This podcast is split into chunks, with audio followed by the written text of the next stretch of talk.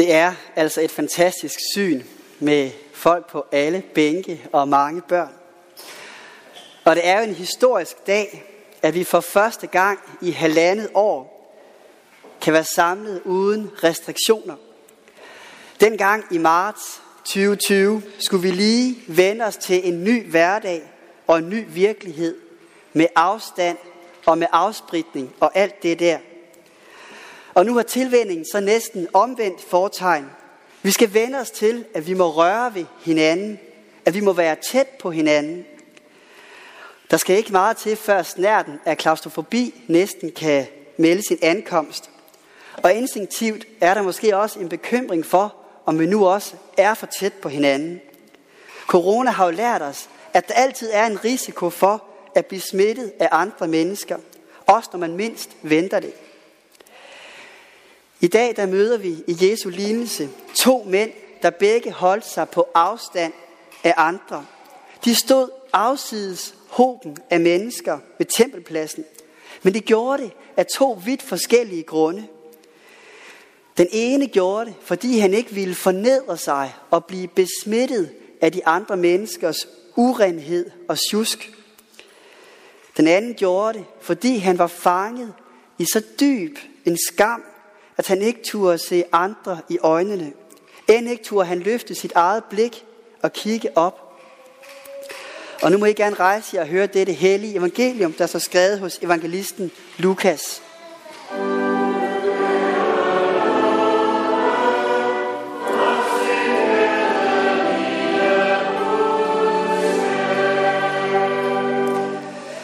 Til nogle, som stolede på, at de selv var retfærdige, og som foragtede alle andre, fortalte Jesus denne lignelse.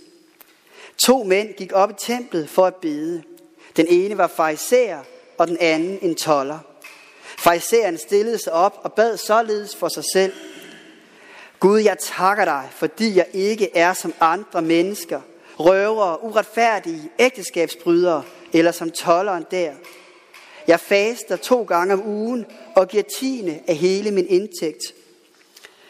Men tolleren stod afsides og ville ikke engang løfte sit blik mod himlen, men slog sig for brystet og sagde, Gud, vær mig sønder nådig. Jeg siger jer, det var ham, der gik hjem som retfærdig, ikke den anden. For enhver, som ophøjer sig selv, skal ydmyges, og den, der ydmyger sig selv, skal ophøjes. Amen.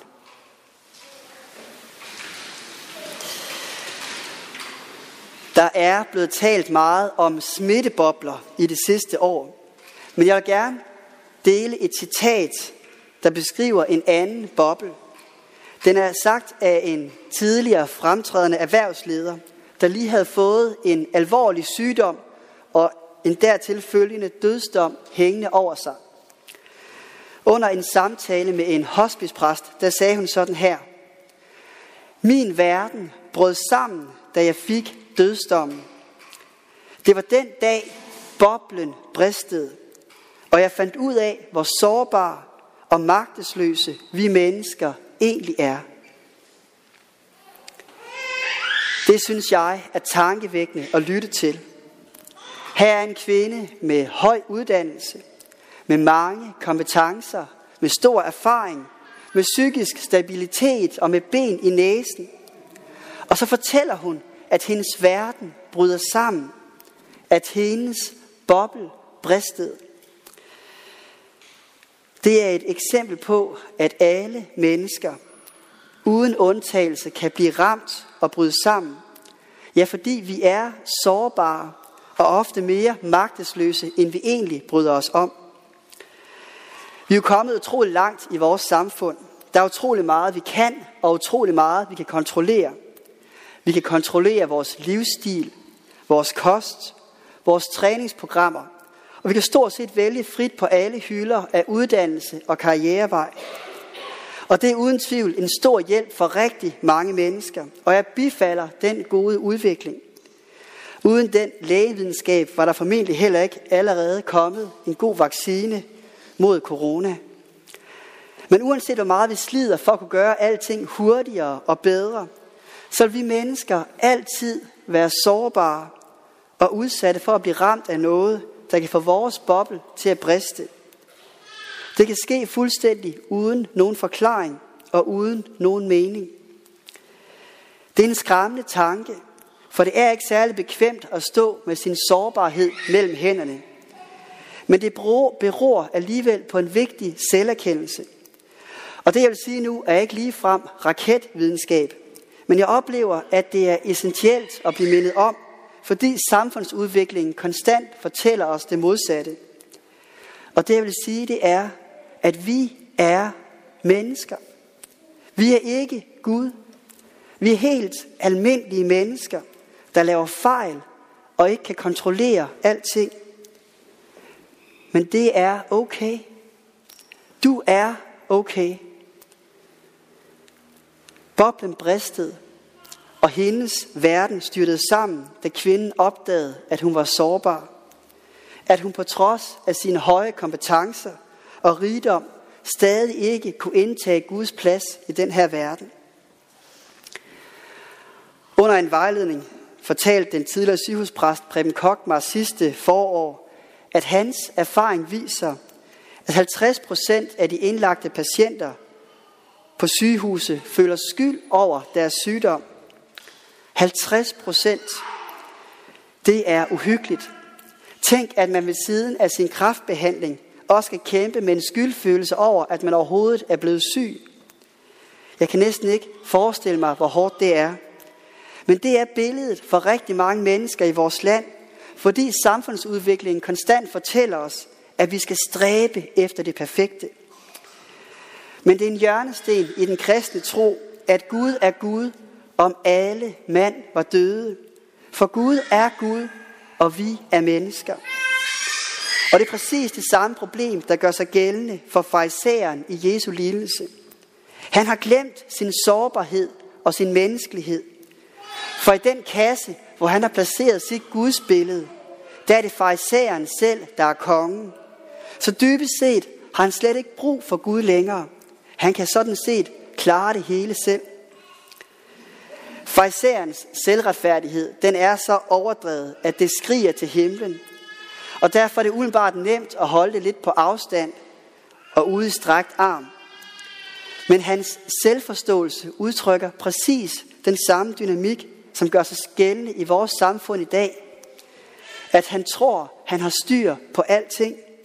Ja, faktisk er han så meget kontrol, at han slet ikke har brug for Gud. Og bedst, som jeg hører ham sige, tak, at jeg ikke er som andre mennesker, røver og uretfærdige. Så hører jeg ekkoet fra min egen bøn, der afsides visker, tak Gud, at jeg ikke er som den farisæer. Præcis den samme fordømmelse. Præcis den samme selvretfærdighed. Og så er der tolleren i Jesu lignelse. Helt efter samtidens praksis, så stod han afsides, fordi han var rituelt uren. Det svarer lidt til, at han gik rundt med en positiv coronatest, så han har bare at holde sig på afstand af de andre. Mange af jer ved, at jeg prøvede det samme ved julefesten, hvor en påvisning af corona pludselig satte en stopper for rigtig meget. Og det er bestemt ikke en rar fornemmelse pludselig at føle, at man er farlig for alle andre mennesker – at de ikke må komme tæt på mig. Ligesom de indlagte på sygehuset grænskede jeg igen og igen mit sind for at finde en forklaring. For jeg følte skyld over min sygdom og en uhyggelig masse besvær for andre mennesker. Jeg vidste jo godt, at det ikke var min skyld, men tanken slog mig alligevel igen og igen. Jeg gik bare med det i en uge, men tolleren som vi hører om her, kæmpede med det hver eneste dag.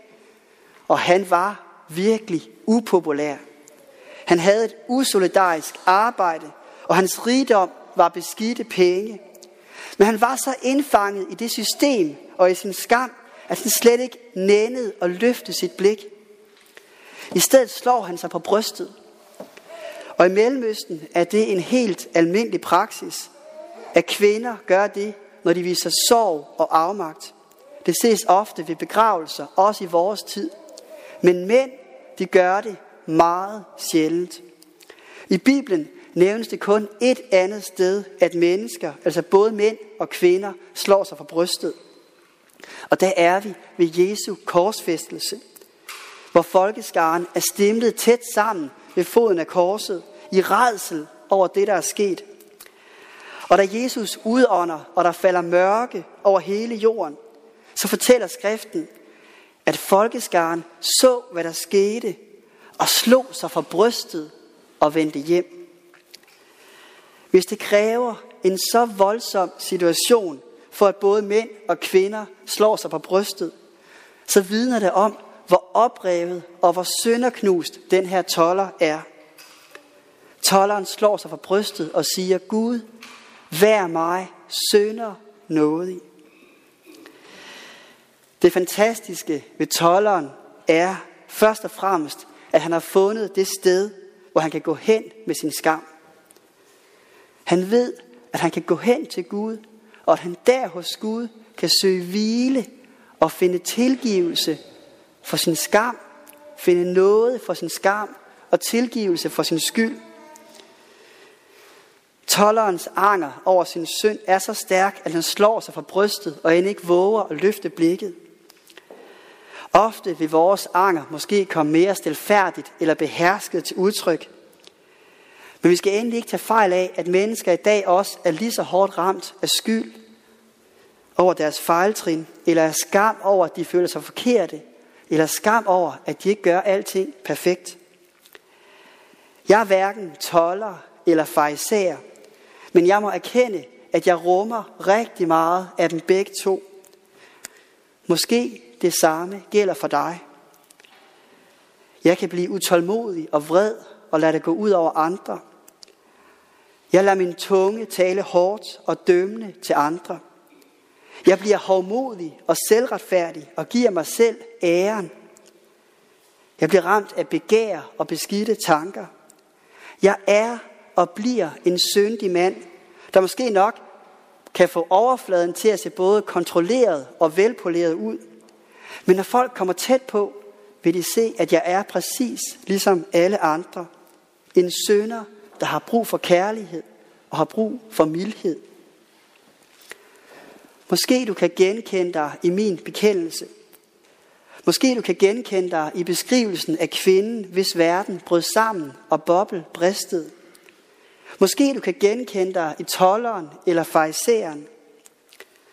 Uanset hvilken karakter du bedst kan genkende dig i, så er budskabet i dag, at du kan løfte blikket og se på Jesus.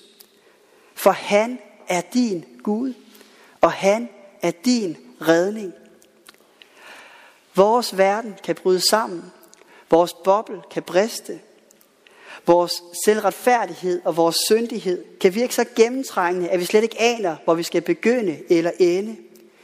Men i Jesu navn kan vi løfte blikket i frihed, i frimodighed, i kærlighed. I Jesu navn kan vi slå os på brystet og sige, Gud, vær mig sønder nådig. Se mig i min skam, i min bristede boble og der, hvor jeg er. For i Jesu navn får vi skænket retfærdighed og kan løfte blikket i frimodighed. Lad os bede sammen.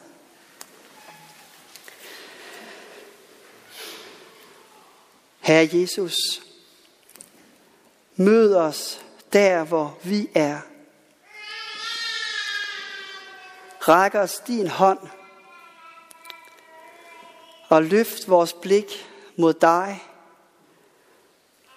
At du hang på korset i kærlighed for os. Brød døden og brød mørket for at være sammen med os, uanset hvilket mørke vi befinder os i. For Herre, du er lyset, og du er den, der har opstået fra døden, og giver os håb om, at du er med os i dødskyggens dal og på jubelbjergets tene.